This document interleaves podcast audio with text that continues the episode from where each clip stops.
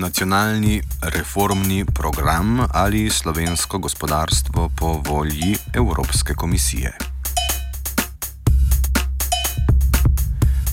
Drugi osnutek nacionalnega reformnega programa za leto 2015 in 2016 je doživel svoj debitantski izhod. Vlada je danes z njim seznanila odbore Državnega zbora Republike Slovenije in ekonomsko-socialni svet, torej sindikate in delodajalce. Vsebina programa predstavlja srednjeročni načrt vlade o prioritetnih ukrepih in projektih, ki pa morajo biti usklajeni predvsem s cilji dokumenta Strategija Evropa 2020, torej Evropsko strategijo za rast in razvoj. Dotični reformni program mora biti do konca aprila poslan še v blagoslov Evropski komisiji.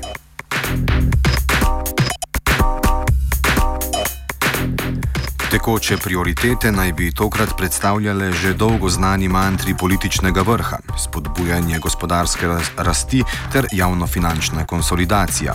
Več pove ministr za javno upravo Boris Koprivnikar.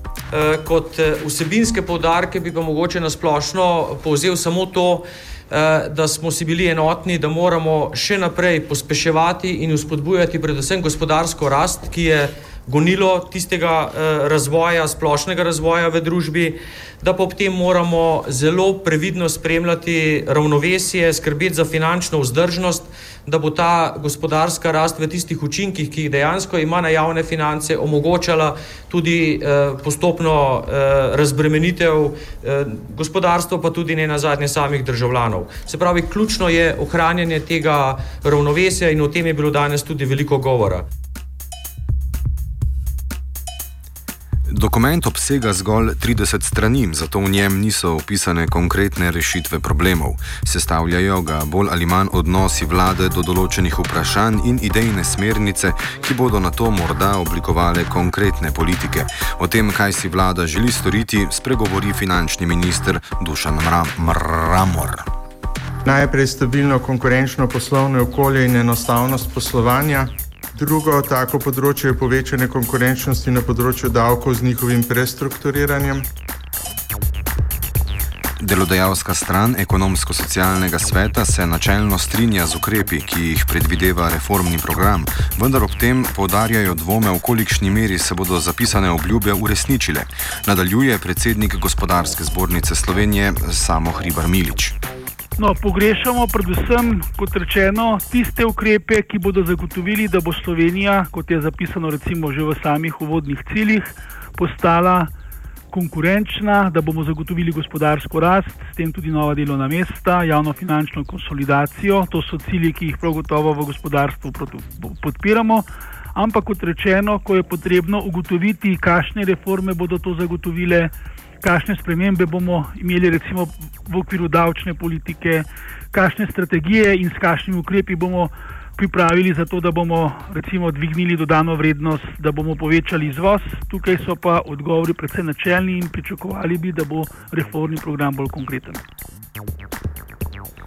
Zastopniki delojemalcev, ki so proti utež gospodarsko naravnanim silam ekonomsko-socialnega sveta, problem nacionalne reformne strategije vidijo povsem drugače. O ideologiji, ki stoji za to vrstnimi načrti, Branimir Štrukelj, sindikalist. Ta reformni program pravzaprav izrazito jasno, celo odkrito kaže na svoje neoliberalne eh, ideološke korenine in izpostavlja zlasti uh, vzdrževanje mednarodne konkurenčnosti države. To seveda pomeni, da naj bi se vsi angažirali za to, da bi okolje države postalo čim bolj konkurenčno in uh, uh, dopadljivo, mamljivo za kapital, da bi prišel sem in tukaj pobral dobičke in uh, šel. To je v nasprotju s tem, kar piše v slovenski ustavi, to pa je, da je Slovenija socialna država. S to logiko postaja Slovenija konkurenčna država in tekmuje z drugimi državami do dna, ne? torej kdo bo ponudil čim boljše pogoje, cena tega pa je kakovost življenja državljanov in državljank, oženje socialnih pravic. In seveda na nek način demontaža socialne države. In to je bistvo tega programa. Prisluhnimo ministru za finance Mramorju, ki pojasnjuje, kateri ukrepi so še ključni za zdrav razvoj naše podalpske domovinice. Svoje področje, ki se zopet tiče Ministrstva za, za finance, učinkovito razizko, uh, upravljanje državnega premoženja in znižanje prepletenosti države z gospodarstvom s premišljeno privatizacijo. Pri privatizaciji podjetij v državni lasti vlada prelaga gospodarsko odgovornost na zaveze svojih predhodnic. Takšne in podobne izjave zakrijejo umankanje jasnih nacionalnih smernic upravljanja premoženja, nadaljuje ekonomist Aleksandr Aristovnik. Eh, vlada nadaljuje prakso prejšnje vlade. Se, se tudi sklicuje na njo in na obljube, ki jih je dala glede teh 15 Eh, podjetij. Zdaj sicer naj bi se sprejela oziroma se sprejema najnovejša strategija upravljanja državnega premoženja. Tu bi jasno mogli vedeti, katera podjetja. Tu je naša domača naloga, tu na Evropska komisija ne more dajati na svete, kaj prodati, kaj ne. Tu bi se sami morali odločati, kaj prodati, kaj naj ostane v strateškem, uh, kaj pa v portfeljskem uh, deležu Slovenije oziroma države.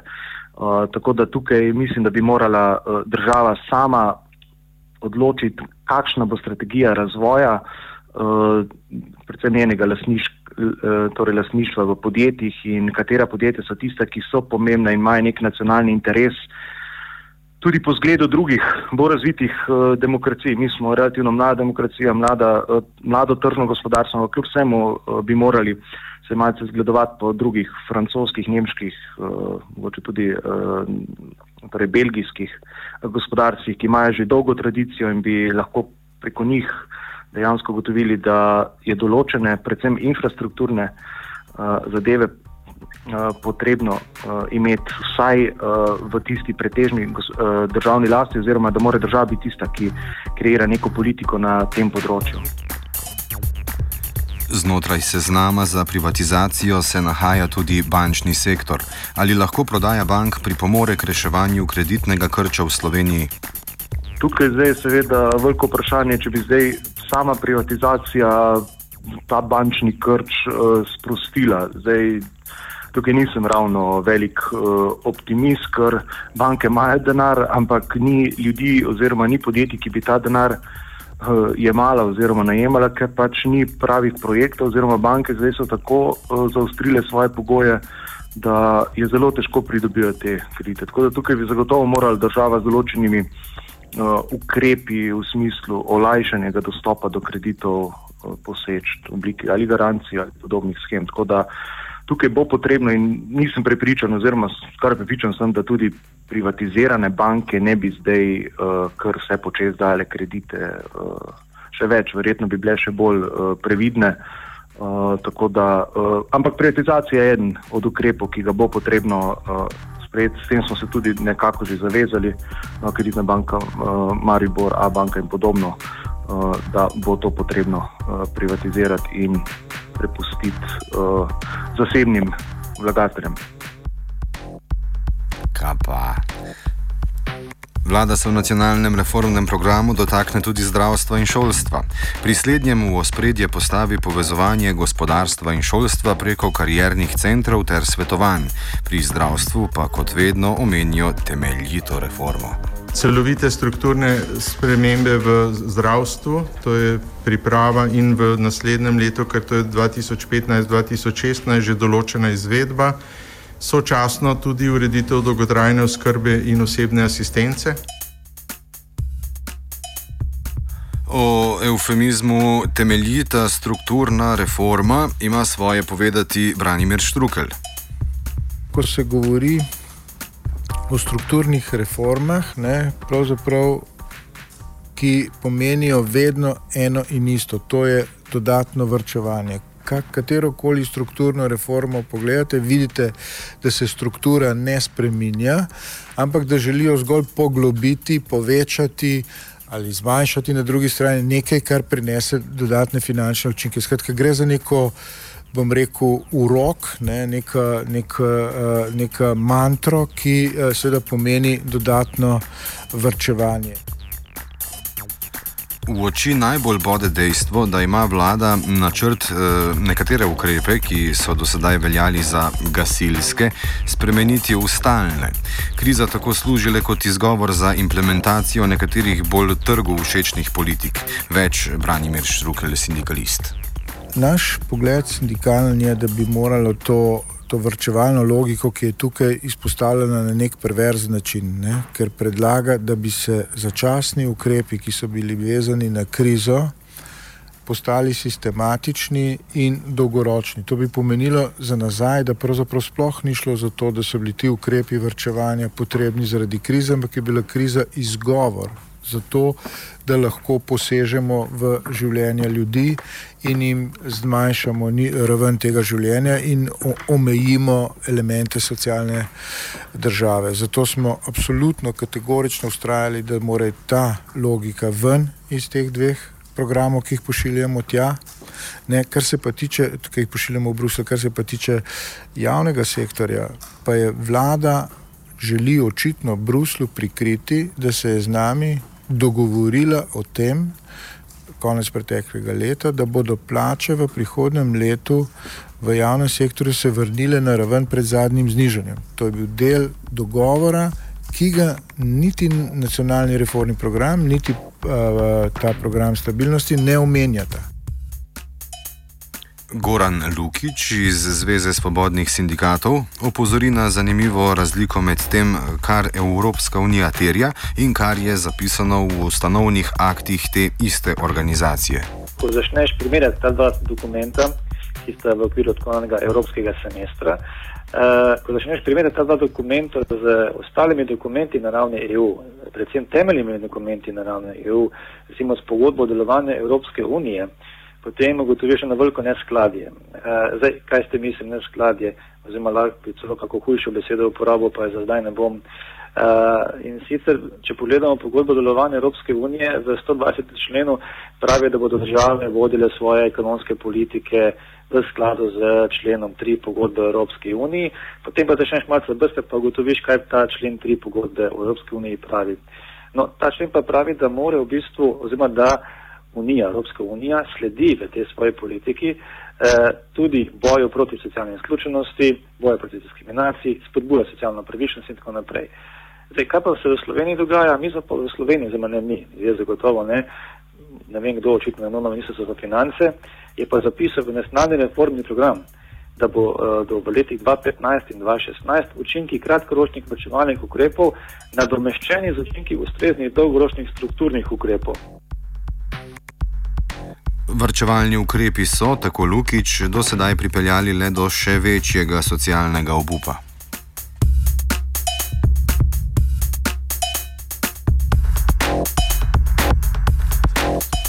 Na polju velikih investicijskih projektov vlada računa na denar tako imenovanega Junkerjevega načrta, katerega vrednost je predvidena v višini 300 milijard evrov. Vlada upa, da bo slovensko gospodarstvo deležno kosa te milijardne pogače, ki naj bi pripomogla k uresničitvi projektov kot sta tretja razvojna os ali železniška povezava Severni Jadran Alpe, ki vključuje tudi drugi tir Divača Koper. O možnostih investicijskih pomoči strani Evropske komisije nadaljuje Aristoteles. Aristovnik. Jaz sem, kar zadeva tega plana, relativni uh, pesimist. Torej, menim, da je to preambiciozno uh, zastavljeno in tudi vprašanje je zdaj, kateri projekti bodo, kateri ne bodo vključeni v, ta, v to schemo v končni fazi. In, mm, in še to vprašanje, kdaj bodo tudi uh, ti ukrepi začeli dajati neke rezultate. Tako da nasplošno ni nekega velikega uh, zaupanja mislim, da se več stavi uh, v to kvantitativno sproščanje, da bo to na nek način uh, dvignilo evropsko gospodarstvo. Ti ukrepi so lahko nek komplementarni, uh, torej te investicije so lahko nek komplementarni ukrep uh, v tej zgodbi. Uh, mislim pa, da ne bodo dali takšnih ukrepov, kot se, uh, oziroma učinkov, kot se pričakuje. Osnutek reformnega programa je trenutno v usklajevanju s socialnimi partnerji znotraj ekonomsko-socialnega sveta. Ali lahko do konca meseca, ko je rok za oddajo dokumenta, pričakujemo še kakšne spremembe, nadaljuje Hribar Milič. na resnici, resnici na ljubo ne pričakujem kakšnih posebnih sprememb in sam ocenjujem ta dokument, da ga pripravljamo predvsem zaradi Brusla, zaradi agende, ki jo imamo do Brusla, medtem ko se spremembe v Sloveniji odvijajo nekako ločeno od teh dokumentov, ki jih sprejemamo. Mi smo v preteklem obdobju imeli številne strategije, tudi reforme, pa tudi stabilizacijske načrte, ampak na koncu so stvari šle po neki drugi logiki. Vprašanje je, kolikšno težo nosijo nacionalni reformni programi in kako vplivajo na gospodarsko sliko držav članic Evropske unije. Nacionalne politike držav se v večji meri oblikujejo neodvisno od priporočil Evropske komisije, ta pa na to grozi nazaj z obljubami o kaznih. Kakšna je moč vpliva obravnavanega dokumenta, nadaljuje Aristovnik. Vidimo, da večina teh eh, držav, potem ko dobi priporočila, ne upošteva teh reformnih uh, priporočil in da vidimo tu Nemčija je kršila, že Francija krši in podobno in da tiste sankcije, ki so, so samo na listu papirja, niso pa dejansko potem uh, izvedene, zato tudi nekatere druge države potem malce manj resno jemljajo te um, in programe in um, um, Eh, pritiske Evropske komisije, ki seveda lahko sankcionira z kaznimi oziroma z zamrznjenjem evropskih sredstev, ampak na koncu vidimo, da trese se gore, rodi se miš, ni učinko, tako da mogoče to je nek tak formalni okvir, ki pa se iz leta v leto eh, nekako, eh, mislim, da zgublja nek tist pomen, ki ga je imel mogoče na začetku, sploh v začetnih fazah krize. Štrukel se z Aristovnikom ne strinja. Zaključujemo z njegovo izjavo o poti tega dokumenta v center Evrope in njegovih morebitnih posledicah. Kot veste, je to neka, uh, rekel, napisana maša, ki jo pošiljajo države v Bruselj do določenega datuma, to je konec tega meseca. Ne? Vendar pa potem ta maša začne realno učinkovati nazaj. Če vi napišete, da boste podaljšali, spremenili uh, vrčevalne ukrepe, uh, ki so bili potrebni za čas krize, v trajne ukrepe, potem vas čez pol leta vprašajo, kje ste to naredili. Ja. Reformni program so secirali Jošt, Žan in vajenka Maruš.